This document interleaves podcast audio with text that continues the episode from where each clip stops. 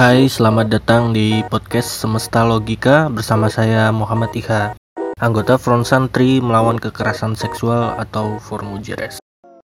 Semesta Logika merupakan media alternatif dan progresif yang menjelajahi bagaimana pengetahuan dan pengalaman seseorang dibentuk dan dibagikan.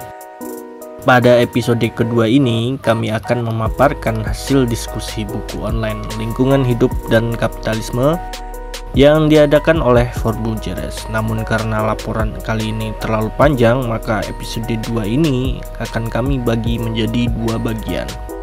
Nah, sekarang kalian mendengarkan bagian pertama. Selamat mendengarkan.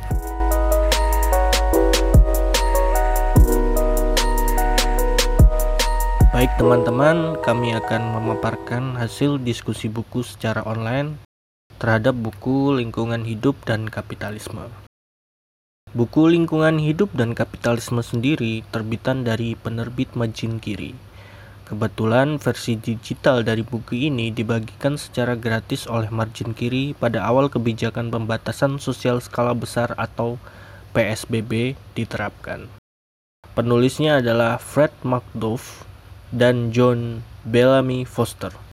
Fred McDuff adalah profesor ilmu tanah, tumbuhan, dan pangan di Universitas Vermont. Ia banyak menulis buku dan artikel tentang sumber daya alam, masalah lingkungan, dan pertanian berkelanjutan. Sedangkan John Bellamy Foster adalah profesor sosiologi di Universitas Oregon. Ia banyak menulis buku dan artikel tentang ekonomi politik kapitalisme, krisis ekonomi, Marxisme, dan krisis ekologi. Sedangkan penerjemah ke dalam bahasa Indonesia adalah Pius Ginting. Penerjemah sempat bertahun-tahun bekerja di Wahana Lingkungan Hidup atau WALHI sebelum sekarang aktif di Aksi Ekologi dan Emansipasi Rakyat atau AEER. Buku ini pada dasarnya cocok sebagai sebuah pengantar bagi kawan-kawan untuk mengenal korelasi antara kerusakan lingkungan dan kapitalisme. Ada beberapa topik kunci dalam buku ini yang kami rangkum yaitu pertama batu bara, kedua kompetisi harga dalam kapitalisme, ketiga soal kapitalisme dan pengangguran, keempat kepentingan lingkungan dan kepentingan buruh tampak bertolak belakang, kelima ekspor limbah industri dari negara maju ke negara-negara miskin, keenam kelompok lingkungan hidup yang dikooptasi oleh pendanaan industri, ketujuh tentang panel surya, kedelapan green lifestyle, sembilan perkebunan sawit, dan sepuluh pembangkit listrik tenaga nuklir atau PLTN. Pertama-tama mari kita berkenalan dulu dengan apa itu kapitalisme. Menurut Wikipedia, kapitalisme adalah sistem ekonomi di mana perdagangan, industri, dan alat-alat produksi dikendalikan oleh pemilik swasta dengan tujuan memperoleh keuntungan dalam ekonomi pasar. Sejarah bagaimana munculnya sistem ini akan sangat panjang. Namun sistem ekonomi kapitalisme adalah sistem ekonomi yang sangat dominan di seluruh dunia sekarang. Pada abad ke-20, pembela sistem kapitalisme sering menggantikan istilah kapitalis dengan perusahaan swasta dan istilah kapitalis rente dengan investor karena konotasi negatif terkait dengan kapitalisme. Lalu bagaimana sistem kapitalisme bekerja? Secara sederhana, para pelaku atau kita sebut dengan kapitalis memiliki modal. Lalu modal ini bisa berupa uang, bisa berupa alat produksi. Jika kapitalis hanya memiliki uang, maka ia akan membeli alat-alat produksi seperti mesin-mesin untuk menghasilkan komoditas. Namun, kapitalis untuk menjalankan mesin-mesin ini memerlukan tenaga kerja atau labor. Nah, di sinilah para buruh dipekerjakan oleh para kapitalis. Kemudian dari kerja buruh tersebut, komoditas dihasilkan. Kemudian ia dijual oleh para kapitalis tentunya dengan bantuan buruh untuk menghasilkan uang kembali. Namun, ia menyu kapitalis menjual komoditas tersebut dengan harga yang lebih tinggi dari nilai aslinya. Nah, dari sinilah para kapitalis mendapat laba. Begitulah kawan-kawan penjelasan singkat tentang sistem kapitalisme. Oke, langsung saja kita bahas topik pertama yaitu batubara. Menjelang pemilihan presiden di tahun 2019 lalu, sebuah film dokumenter berjudul Sexy Killers dirilis. Film ini menyoroti dampak lingkungan sosial dan ekonomi dari tambang batubara. Dan teman-teman pastinya pernah menonton film ini karena sangat viral di media sosial pada waktu itu. Bahkan teman-teman saya yang belum pernah mendengar tentang Watchdog, produser dari film Sexy Killers, juga ternyata ikut menonton. Beberapa influencer besar di sosial media juga ikut bergabung memberikan pendapatnya tentang film ini. Namun yang pasti, film Sex Killers menunjukkan bukti bagaimana sistem kapitalisme berhubungan erat dengan kehancuran lingkungan dalam bentuk tambang batu bara. Ekonom William Cap memaparkan bahwa secara umum kapitalisme dipandang sebagai perekonomian dengan biaya-biaya tak dibayar. Artinya, karena memang banyak biaya yang ada untuk produksi, tak diperhitungkan dalam perencanaan bisnis. Alih-alih biaya ini kemudian dialihkan bahkan ditanggung oleh pihak ketiga atau seluruh masyarakat. Batu bara dikenal sebagai bahan bakar fosil paling murah. Hal ini merupakan salah satu hal yang sangat fundamental dalam sistem kapitalisme, yaitu akumulasi laba atau akumulasi kapital dengan modal yang sedikit-sedikitnya dan untung sebesar-besarnya. Di Indonesia, batu bara sebagian besar digunakan sebagai bahan bakar utama pembangkit listrik tenaga uap atau PLTU. Pada tahun 2007, sekitar 70% listrik yang dibangkitkan yang dibangkitkan oleh bahan bakar fosil di Amerika Serikat berasal dari batu bara. Sedangkan di Indonesia sekitar 60% pembangkit listrik yang membutuhkan bahan bakar utamanya menggunakan batu bara. Namun pandangan batu bara sebagai bahan bakar pembangkit listrik termurah mengecualikan biaya kerusakan lingkungan yang terjadi saat penambangan. Biaya nyawa yang hilang di pertambangan dan efek kesehatan yang nantinya menimpa para pekerja tambang dan dampak lingkungan lainnya. Di Kalimantan Timur, sekitar seribu lubang bekas galian tambang batu bara dibiarkan menganga dan menelan puluhan nyawa. Meskipun perusahaan mampu dipaksa untuk menanggung kerusakan lingkungan yang terjadi, namun biaya yang dibayarkan dalam bentuk uang takkan pernah mendekati biaya akan kerusakan bumi dan seisinya. Kita masuk topik yang kedua, yaitu kompetisi harga dalam kapitalisme. Kapitalisme akan cenderung melakukan monopoli. Apa itu monopoli?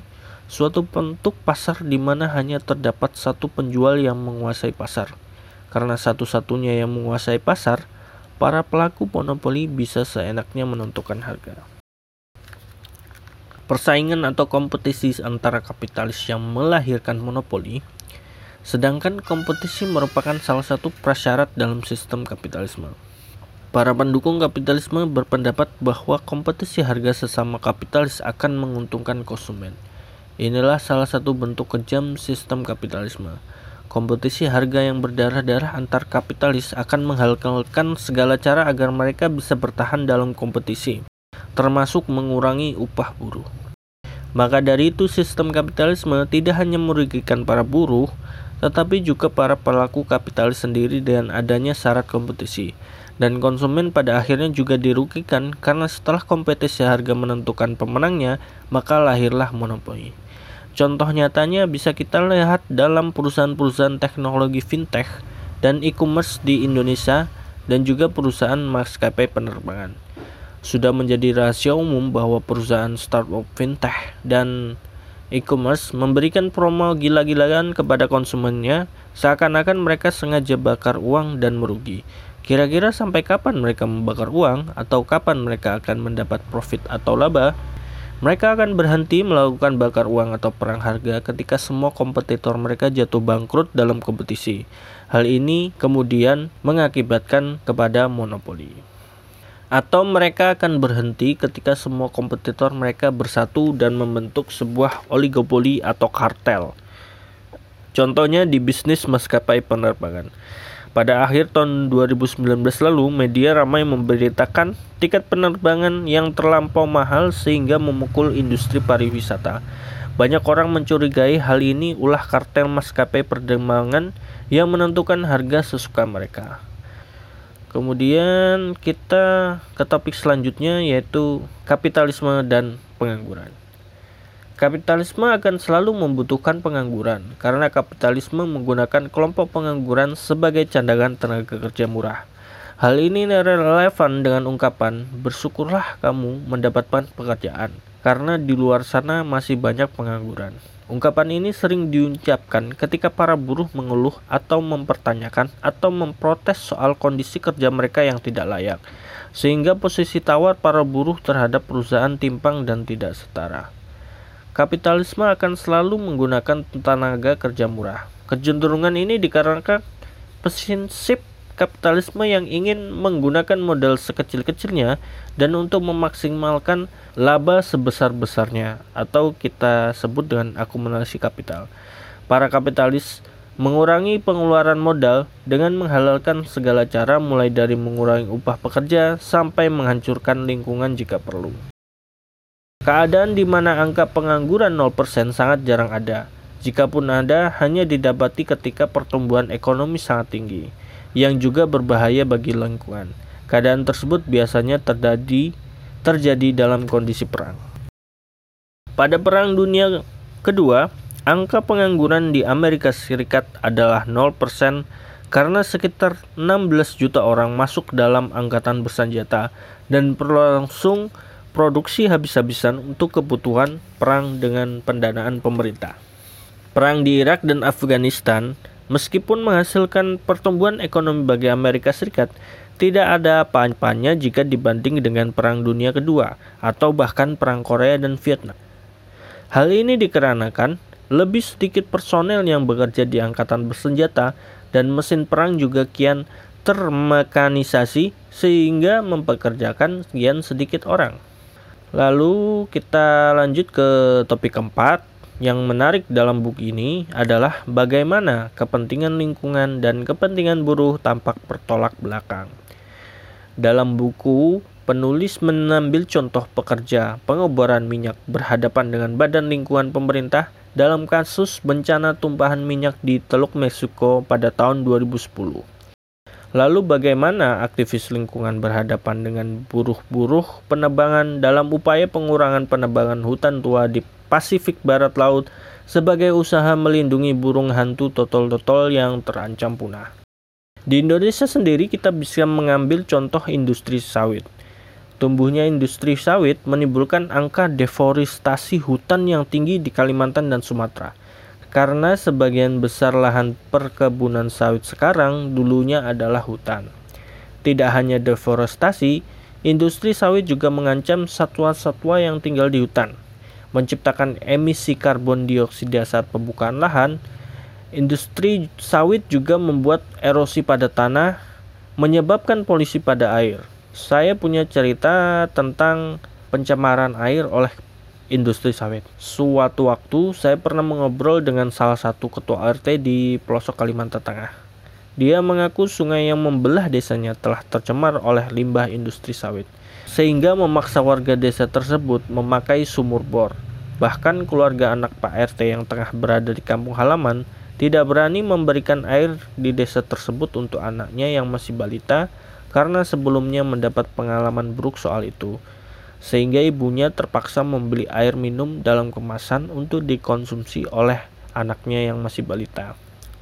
Industri sawit juga menyebabkan asap pembakaran hutan yang berbahaya bagi kesehatan, merugikan penduduk yang tinggal di sekitar perkebunan sawit, kemudian mengakibatkan banyak sekali konflik agraria terjadi di sekitar perkebunan sawit. Seringkali terjadi kriminalisasi kepada warga karena kasus sengketa lahan maupun kebakaran hutan dan lahan. Tapi di sisi lain, perkebunan sawit menyerap tenaga kerja yang sangat banyak. Perekonomian di kota-kota Kalimantan maupun Sumatera ditopang oleh industri sawit. Bila perkebunan sawit ini dihentikan karena alasan lingkungan, lalu bagaimana dengan nasib para buruh? Ini narasi yang terus diulang oleh buzzer-buzzer pendukung industri sawit di sosial media ketika persoalan sawit sedang viral seakan-akan menempatkan kebutuhan akan pekerjaan bertentangan dengan kebutuhan akan lingkungan yang sehat yang kadang menyebabkan konflik batin di dalam benak kaum buruh. Penulis buku mengutip pengakuan seorang pensiunan penambang batu bara. Aku tahu makanku berasal dari situ. tapi aku benci menghancurkan pegunungan. Hal ini membuktikan bahwa di dalam sistem ekonomi kapitalisme merugikan kita karena kita terpaksa mengambil pekerjaan yang hanya ditentukan oleh para kapitalis.